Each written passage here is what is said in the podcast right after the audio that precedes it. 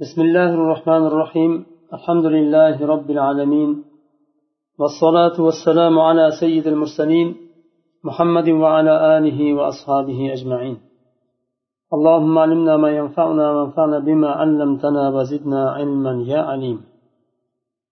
آية الأحكام لن أمبر حكم يندك الحكم الحادي عشر.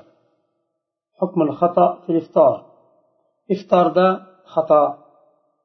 yo'l qo'ysa ya'ni iftorni vaqti kirishidan oldin bilmasdan ochib qo'ysa nima qiladi اختلف اختلف العلماء في من أكل أو شرب ظانا غروب الشمس أو تسحر يظن عدم طلوع الفجر فظهر خلاف ذلك هل عليه القضاء أم لا ro'zador quyosh botmasdan oldin quyoshni botdi deb o'ylab ro'zasini ochib qo'ysa yoyinki suhurni vaqti hali chiqmadi tugamadi deb degan gumon bilan suhurni vaqti tugagandan keyin ham yesa fajr chiqqandan keyin. Undan keyin bildiki quyosh botmagan ekan. Yoyinki suhur bo'lsa suhur vaqti fajrdan keyin yegan bo'lgan e, yeganini bilib qoldi. Hal alayhi qado amla u kishi qazo qiladimi qazosini tutib beradimi bu kunni yo yo'q فذهب الجمهور وهو مذهب الأئمة الأربعة إلى أن صيامه غير صحيح ويجب عليه القضاء لأن المطلوب مطلوب من الصائم التثبت لقوله تعالى حتى يتبين لكم الخيط الأبيض من الخيط الأسود فأما بإتمام فأمر بإتمام الصيام إلى غروب الشمس فإذا ظهر خلافه وجب القضاء جمهور فقهاlar to'rtala mazhab imomlari ham shu jumladan kim agar quyoshni botmasdan oldin ro'zasini ochib qo'ysa bilmasdan bilib ochsa aniq buziladi lekin bilmasdan ochdi va fajr chiqqandan keyin sahar vaqti tugagandan bitgandan keyin bitmadi degan gumon bilan ovqatlandi. Bu holatda ro'zasi ro'zasini sahih bo'lmaydi va shu kunni qazosini tutib berish vojib bo'ladi dedi. Chunki ro'zadordan matlub bo'lgan narsa talab qilingan narsa tasabbut. Tasabbut u tekshirish ijtihod qilish vaqti kirdimi yo'qmi? Aniqlash. Aniqlik kiritish. Fajrni vaqti kirdimi ya'ni sahar vaqti chiqdimi yo'qmi uni ham aniqlik kiritishga harakat qilish. Bugungi kunda soat bor ya'ni yengil bu. Oldingi vaqtda e, qiyinroq. Shunday bo'lishiga qaramasdan fuqarolar bugun o'sha kun ro'za hisoblanmaydi e, ro'zasi sahih bo'lmaydi o'sha kunni qazosini tutib beradi dedilar. Va o'sha kuni yana baribir mag'ribgacha hech narsa yemaydi. Ramazon oyini hurmati uchun hech narsa yemaydi o'sha kun. Tiyiladi taomdan va sharobdan oyat karimani dalil qilishdi.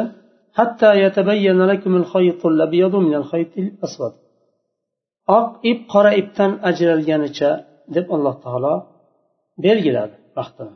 Bu degani oq ip bilan qora ipni ajratinglar degan ma'no bu. Oq ip bilan qora ip ajraydigan vaqt ya'ni oq ip bilan qora ipdan murod bu yerda e, fajr vaqti kirishi. Tong bilan suhur vaqti kecha kechasi bilan kechasini qorong'uligi bilan tongni e, nimasi yorug'i osmonda fajri sodiq deydi osmonda quyosh chiqadigan tarafda mashriqdan e, yoyilib quyoshni nuri nur ko'rinadi. O'sha vaqtda fajr vaqti kirgan hisoblanadi va undan keyin yeb ichish harom qilinadi. Mumkin emas ya'ni. Demak bu oq ipni qora ipdan ya'ni tongni kechadan ajratishlik uchun qandaydir ishtihod harakat tasabbut kerak. Undan keyin alloh taolo va nimani ro'zani kechagacha quyosh botgunicha komil qilinglar dedi. Quyosh botgunicha deb buyurdi. Quyosh botmasdan oldin ro'zasini ochib qo'ysa demak oyatga xilof bo'ladi. Ya'ni quyosh botguncha deyildi oyatda. Quyosh botishini kutishlik va quyosh botgandan keyin og'izni ochishlik kerak. agar uni xilofi zohir bo'lsa ya'ni quyosh botmasdan yeb qo'ysa bilmasdan هم وجب القضاء قضاء واجب vojib bo'ladi وذهب أهل الظاهر والحسن البصري إلى أن صومه صحيح ولا قضاء عليه لقوله تعالى وليس عليكم جناح فيما أخطأتم به. ظاهرية مذهبة وحسن البصري طابين لردن رحمه الله أولا فكرة أجار بالمستن روزة سن أشب كويسة روزة صحيح بلادة qazo vojib bo'lmaydi alloh taolo xato qilgan xatolaring uchun sizlarga hech qanday zarar yo'q dedi alloh taolo وقوله صلى الله عليه وسلم رفع عن أمتي الخطأ والنسيان وما استكره عليه. فقالوا هو كالناس لا يفسد صومه رسول الله صلى الله عليه وسلم حديث aytdilar ummatimdan uchta narsa ko'tarildi. Xato bir narsani xato yuzasidan qilib qo'ydi atayin qilmadi xato qilib qo'ydi bilmasdan. Va nisyan unutib qilib qo'ydi bir ishni. Alayhi majbur qilindi. Xatoni alloh taolo ko'tardi ummatdan. Unutgan narsani alloh taolo ko'tardi va majbur qilingan narsani ham alloh taolo zimmasidan oldi u yukni. Va aytdilarki bu kishi unutganga o'xshaydi. Nasi la yafsudu savmuhu e, ro'zasi fasod bo'lmaydi buzilmaydi. Tarjih qilyaptilar shayx rahimalloh هو الصحيح لأن المقصود من رفع الجناح رفع الإثم لا رفع الحكم. فلا كفارة عليه لعدم قصد الإفطار ولكن يلزمه القضاء للتقصير. ألا ترى أن القتل الخطأ فيه الكفارة والدية مع أنه ليس بعمد وقياسه على الناس غير سليم لأن الناس قد ورد في فيه النص الصريح فلا يقاس عليه والله أعلم. Qaysi mazhab bu yerda rojih deganda shayx aytyaptilarki jumhurni mazhabi bu yerda rojihroq. Chunki hadisda kelgan harajni ko'tarishdan maqsad gunohni ko'tarish. Hukmni ko'tarishlik emas. Ya'ni unutib bir ishni qilib qo'yilsa bilmasdan qilib qo'yilsa uni gunohi ko'tariladi. Gunohkor bo'lmaydi lekin ro'zani qazoni hukmi ko'tarilmaydi. Qazoni tutib berish shart deyaptilar. Kafforat vojib bo'lmaydi lekin qazo vojib bo'ladi. Kafforat u jazo. Kafforat vojib bo'lmaydi chunki iftorni qasd qilmagan edi. Bilmasdan ochib qo'ydi. Lekin qazo vojib bo'ladi taqsir qilgani uchun beparvo bo'lgani uchun. Misol keltiryaptilar shayx rahmonloh bir kishi boshqa bir kishini xatodan o'ldirib qo'ydi. Atayin qilmadi. Qushni otaman dedi o'q borib odamga tegdi o'ldi. Yo itni otaman dedi. Bordi odamga tegdi o'ldi. Bu holda u bilib turib qilmadi. Qasddan qilmadi bilmasdan qildi. Bu holatda kafforat va diya nima e, soqit bo'lmaydi. Bilmasdan o'ldirib qo'ygan bo'lsa ham kafforatini to'laydi va diyani beradi. Ammo unutuvchi kishiga unutgan kishiga qiyos qilishlik to'g'ri emas deyaptilar. Chunki unutuvchi kishiga nima? Sarih nas dalil sobit bo'lgan unga qiyos qilinmaydi. Lekin aslida allohu alam bu nimada ham e, jon bor. Bir kishi ro'zasini ochib qo'yadigan bo'lsa unutib ham ochib qo'yishi mumkin. Haligi vaqt kirmasdan oldin unutuvchiga o'xshab ketadigan taraflari bo'ladi baribir. Vallohu alam eng yaxshisi haligi jumhur to'rt mazhab tutgan yo'lda tutishlik ixtilofdan qochib الحكم الثاني عشر هل الجناية تنافي الصوم عند أنكنش حكم جنايات روزنا نفي قلادما دلت الآية الكريمة وهي فالآن باشروهن وابتغوا ما كتب الله لكم. على أن الجناية لا تنافي صحة الصوم لما فيه من إباحة الأكل والشرب والجماع من أول الليل إلى آخره مع العلم أن المجامع في آخر الليل إذا صادف فراغه من الجماع طلوع الفجر يصبح جنبا. وقد أمره الله بإتمام صومه إلى الليل ثم أتم الصيام إلى الليل. فدل على صحة صومه ولو لم يكن الصوم صحيحا لما أمره بإتمامه بيرد جناية مسكين جنابتك الجنابة تنافي الصوم جنوب بولب nimani ro'zani vaqti og'iz yopar vaqti kelganda fajr vaqti kirib kelsa inson junub holatida yuvinmagan ro'zasi sahih bo'ladimi yo'qmi alloh taolo oldin ro'zani avval nima islomni avvalida ramazon oyida ahli ayoli bilan qo'shilish mumkin emas edi man qilingan edi yuqorida o'tgandi buni nimasi keyin alloh taolo izn berdi endi bundan keyin qo'shilaveringlar va sizlarga alloh taolo yozgan narsani umid qilinglar. Farzand yana maqsad qilinyapti bu oyat nimaga dalolat qiladi?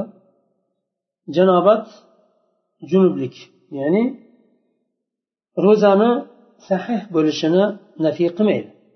Ya'ni ro'za sahih bo'ladi. Chunki alloh taolo kechada yeb ichishni va ahli ayol bilan qo'shilishni muboh qildi. Kechani avvalidan to oxirigacha. Kechani oxiri qachon fajr kirishi bilan kechani oxiri tugaydi. Demak fajr vaqtigacha alloh taolo yeb ichishni va jimoni izn berdi. Undan keyin fajr kirgandan keyin alloh taolo ro'zani komil qilishni buyurdi to quyosh botgunicha. Undan keyin ro'zani komil qilinglar tutinglar to kechagacha ya'ni nima quyosh botgunicha demak bu dalil ro'zani sahih ekaniga dalolat qiladi. Bir kishi junub bo'lgan bo'lsa agar ro'zani nimasiga sahih ekaniga dalolat qiladi. Masalan bir fajr kirishdan oldin qo'shildi. undan keyin hali yuvinmasdan oldin fajr vaqti kirdi fajr vaqti kirgandan keyin yuvinaveradi to quyosh chiqquncha yuvinib namozni o'qisa yetarli uni ro'zaga hech qanday aloqasi bo'lmaydi ro'zani sahih bo'lishi yo bo'lmasligiga hech qanday aloqasi yo'q وفي الصحيحين عن عائشة رضي الله عنها أن النبي صلى الله عليه وسلم كان يصبح جنبا وهو صائم ثم يغتسل فالجنابة لا تأثير لها على الصوم ويجب, ويجب الاغتسال من أجل الصلاة. فإن لم يغتسل إلى آخر النهار صح صومه وأثم لتضييعه الصلاة. buxoriy muslimda hadis keladi oysha onamiz roziyallohu anhodan rivoyat qilinadi u kishi aytadilarki rasululloh sollallohu alayhi vasallam junub hollarida e, ro'za bo'lgan vaqtlarida namoz vaqtida ertalab mana fajr namozi kirganda junub bo'lardilar. Undan keyin g'usul qilardilar. Ya'ni fajr vaqti kirgandan keyin g'usul qilardilar. Demak janobatni junublikni hech qanday ro'zaga ta'siri yo'q. G'usul vojib bo'ladi namoz uchun. G'usul vojib bo'ladi ro'za uchun emas namoz uchun. Namoz uchun g'usul vojib bo'ladi. Chunki e, tahoratsiz namoz namoz bo'lmaydi. Bu oyatda alloh taolo savmni ro'zani kechagacha quyosh botgunicha komil qilib tutishni buyurdi. Agar yuqoridagi oyat kalima to tong otgunicha yeb ichib ahli ayol bilan qo'shilishga izn berildi. Agar tong otgunicha bu ish bu ishlarga izn berilgan bo'lsa demak inson e, tong otgan vaqtida junub bo'lishi ehtimoli bor. E, agar bu holatda mumkin bo'lmaganda edi alloh taolo kechagacha quyosh botguncha oyat nimani ro'zani e, komil qilishni buyurmagan bo'ladi. Buyurdimi? Demak hech qanday nimani junub bo'lishni nimaga aloqasi yo'q. Shuning uchun namoz e, vojib bo'lgani uchun namozni o'qish uchun tahorat vojib. Agar junub bo'ladigan bo'lsa junub holatda namozni o'qiydigan bo'lsa namoz namoz bo'lmaydi. Shuning uchun nima e, g'usul vojib bo'ladi. Aytyaptilarki agar bir kishi kechgacha g'usul qilmadi gunohkor bo'ladi osiy bo'ladi namozni tark qilgani uchun ya'ni namozni junub holatda o'qib bo'lmaydi o'qishlik mumkin emas agar atayin g'usul qilmasa nimasi e, namozga ta'siri bo'ladi uni lekin ro'zaga ta'siri bo'lmaydi ro'za to'g'ri sahih bo'laveradi الحكم الثالث عشر ونشنش حكم هل يجب قضاء صوم النفل إذا أفسده bir kishi nafl nimasi ro'za tutib buzib qo'ysa uni qazosini tutib beradimi yo'qmi اختلف الفقهاء في حكم صوم النفل إذا أفسده هل يجب فيه قضاء أم لا على مذاهب bir kishi nafl namozni nafl ro'zasini boshlab undan keyin buzib qo'ysa qazo vojib bo'ladimi yo'q bunda haligi ixtilof qilishdi fuqarolar مذهب الحنفية يجب عليه القضاء لأنه بالشروع يلزمه الإتمام حنفي مذهبدا nafl ro'za bo'lsa ham agar tutibgandan keyin buzib qo'yadigan bo'lsa uni qazosini tutib berishlik vojib bo'ladi nima uchun chunki bir ibodatga kirishgandan keyin uni komil qilish kerak oxirigacha yetkazish kerak مذهب الشافعية والحنابلة لا يجب عليه القضاء لأن المتطوع أمير نفسه imom shofiiy va hambaliy mazhabida qazo vojib bo'lmaydi Nafl namoz nimasini ro'zasini tutib bir mehmonga kelib borib qoldi yo mehmon kelib qoldi yo o'zi qandaydir e, tutishni istamadi o'sha kuni. Ochdi ro'zasini. U holatda qazoni tutib bermaydi. E, chunki hadisda keladi al mutatavvi degani tatovvu qiladigan. nafl ishni qiladigan ustiga vojib bo'lmagan bir ibodatni qilgan kishini mutatavvi deyiladi mutatavvi amiru nafsihi mutatavvi kishi ya'ni ustiga vojib bo'lmagan ishni savob uchun qilayotgan kishi o'zini amiridir istasa davom etadi istasa etmaydi degan mazmun وذهب المالكية أنه إذا أبطله فعليه القضاء وإن كان طرأ عليه ما يفسده فلا قضاء عليه imom molik mazhabida agar o'zi sababsiz bilib ibtol qiladigan bo'lsa qazosini tutib beradi agar uzrlik bir holat bilan ochadigan bo'lsa qazosini tutmaydi dalil hanafiya قوله تعالى ثم أتم الصيام إلى الليل dalillari yuqoridagi oyatni dalil qilishda namozni ro'zani quyosh botgunicha komil qilib tutinglar dedi.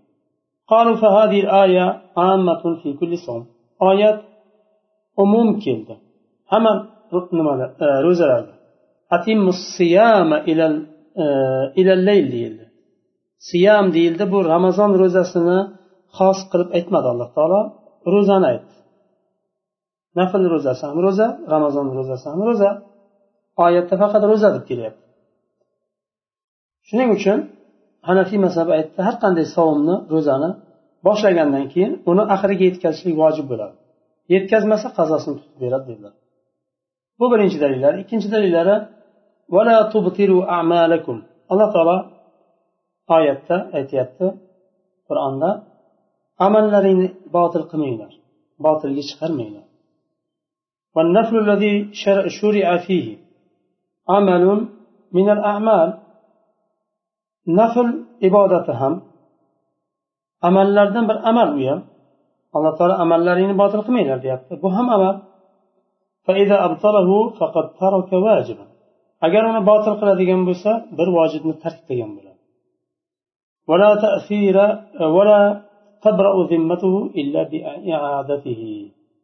U kishini zimmasi pok bo'lmaydi bu ibodatdan ya'ni zimmasi pok bo'lmaydi degani zimmasi shu ibodat bilan mashg'ul bo'lib qoladi soqit bo'lmaydi zimmasini shu ibodatni nimasi mas'uliyati mashg'ul qilib qo'yadi magar uni qaytarishlik bilangina zimmasidan soqit bo'ladi uchinchi dalillari hadisu aisha annaha qalat roziyallohu anha أصبحت أنا وحفصة صائمتين متطوعتين فأهدي إلينا طعام فأعجبنا فأفطرنا أو فأعجبنا فلما جاء النبي صلى الله عليه وسلم بدرتني حفصة فسألته وهي ابنة أبيها؟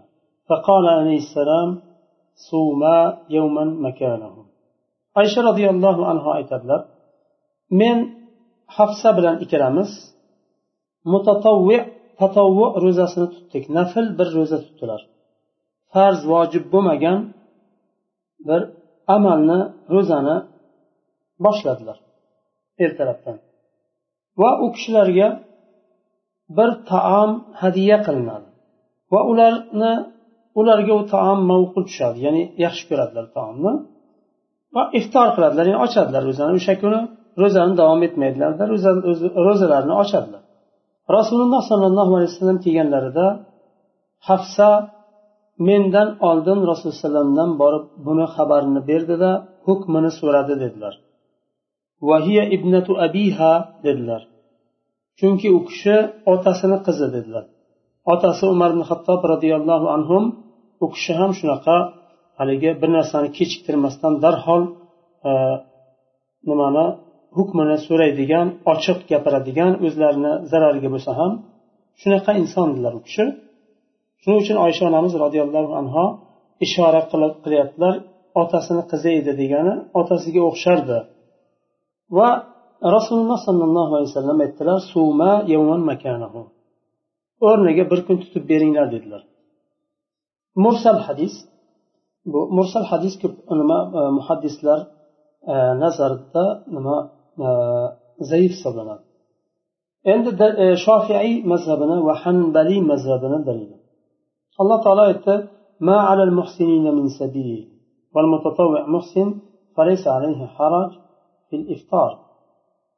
ما على المحسنين من سبيل. محسن إنسان لرنا زرر يول يوق. يعني محسن إنسان لر يزرر بميل شنك محسن لرنا mutatavvi ham nafl ibodatiga kirishgan inson ham muhsin inson yaxshilik niyatida savob umidi bilan kelyapti aslida u kishiga vojib emas bu shuning uchun u kishiga hech qanday haraj bo'lmaydi iftor qilishda ikkinchi dalillari hadis الصائم المتطوع أمير نفسه إن شاء صام وإن شاء أفطر bu isnodi sahih hadis bu rasululloh sollallohu alayhi vasallam aytdilar mutatavvi ya'ni nafl ro'zasini tutuvchi kishi o'zining amiridir dedilar. Istasa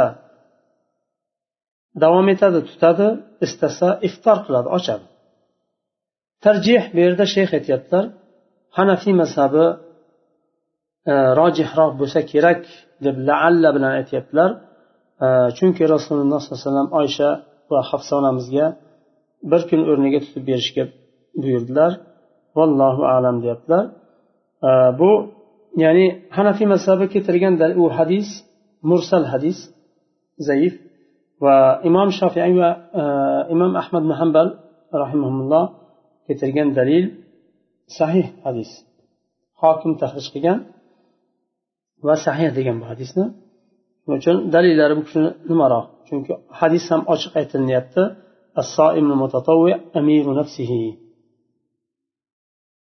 o'n to'rtinchi hukm ما هو الاعتكاف؟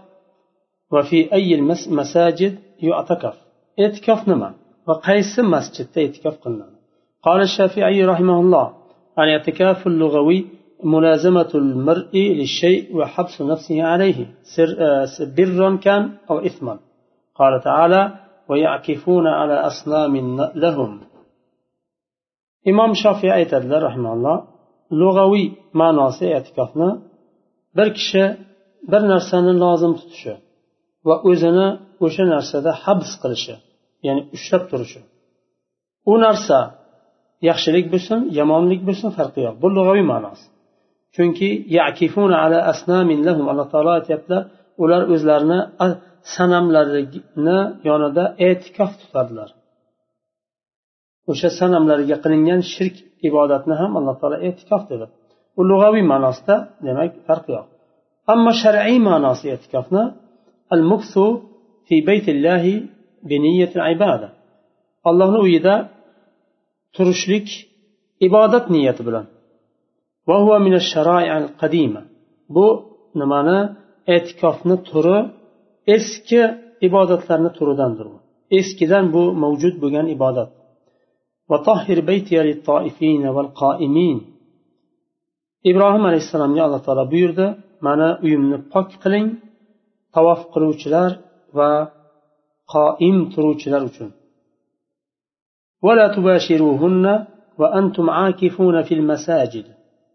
Va boshqa oyatda alloh taolo aytdi ayollaringga qo'shilmanglar sizlar masjidlarda e'tikof tutgan vaqtlaringda ayollaring bilan qo'shilmanglar dedilar qaytardilar alloh taolo qaytardi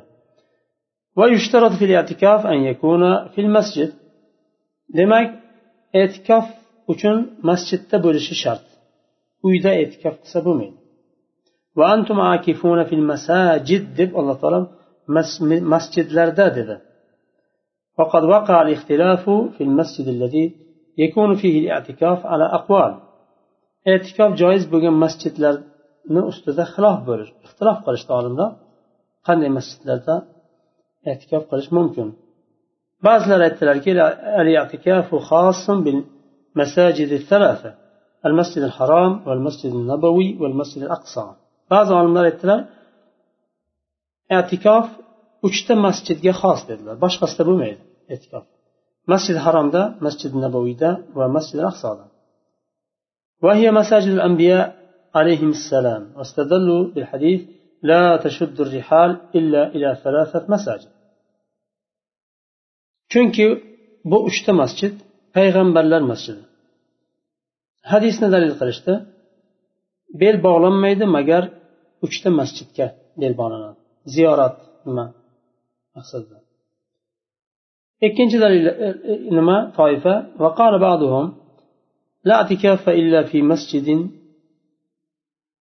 تجمع فيه الجماعة وهو قول ابن مسعود وبه أخذ الإمام مالك رحمه الله في أحد قوليه e'tikof faqatgina jamoat to'planadigan masjidda bo'ladi bu ibn masud roziyallohu anhu so'zlari va imom molik ham rahimaulloh shu so'zni olganlar bir qovullarida وقال الجمهور إن جمهورنا مذهب يجوز الاعتكاف في كل مسجد من المساجد لعموم قوله تعالى وأنتم عاكفون في المساجد e'tikof masjidlarni hammasida bo'ladi jamoat to'plangan masjidda ham to'planmaganda ham payg'ambarlar masjidida ham boshqasida ham masjid bo'lsa tamom masjid bo'lsa yetarli chunki alloh taolo falon masjidda deb muqayyat qilib aytmadi qayd qilmadi bir nima bilan umum qildi fil masajid hamma masjidlar kirib ketadi وهو صحيح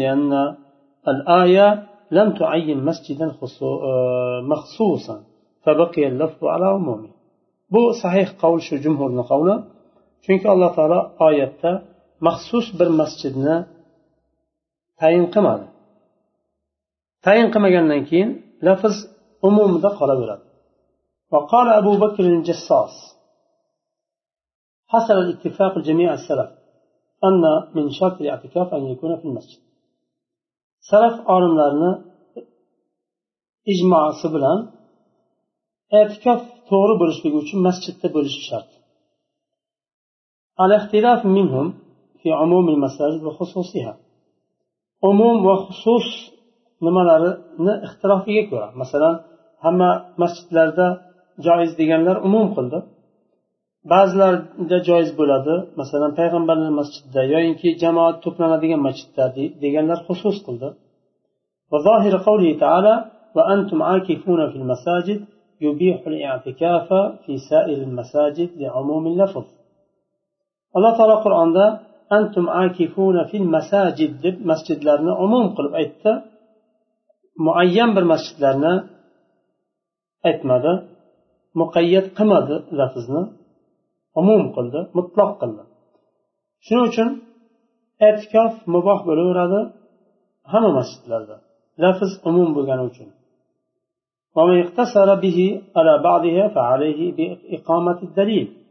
Lafz oyatdagi lafz masajid lafzi umum kelgandan keyin kim shu umum so'zni ma'nosini xusus qilaman desa dalil keltirishi kerak.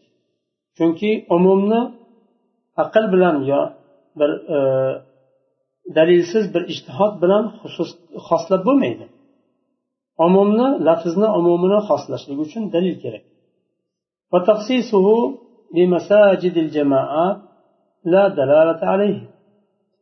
Yuqoridagi lafzni umumini oyatdagi lafzni umumini jamoat jamlanadigan to'planadigan masjidlar bilan xoslashlik bunda hech qanday bir dalil yo'q كما أن تخصيص من خصه بمساجد الأنبياء لما لم يكن عليه دليل سقط اعتباره shuningdek payg'ambarlar masjidi bilan xoslaganlarni ham dalillar yo'q dalil bo'lmagandan keyin u hukmlarni u ishtihodlarni e'tibori soqit bo'ladi وأما المرأة فيجوز لها أن تعتكف في بيتها لعدم دخولها في النص السابق ammo ayol kishi masjidda e'tikof qilishi shart emas uyida e'tikof qilsa bo'laveradi. Chunki ayollar yuqoridagi oyatni ostiga kirmaydi hukmini ostiga. Shu yerda to'xtaymiz. Subhanakallohumma ashhadu an la ilaha illa anta astag'firuka va atubu ilayk.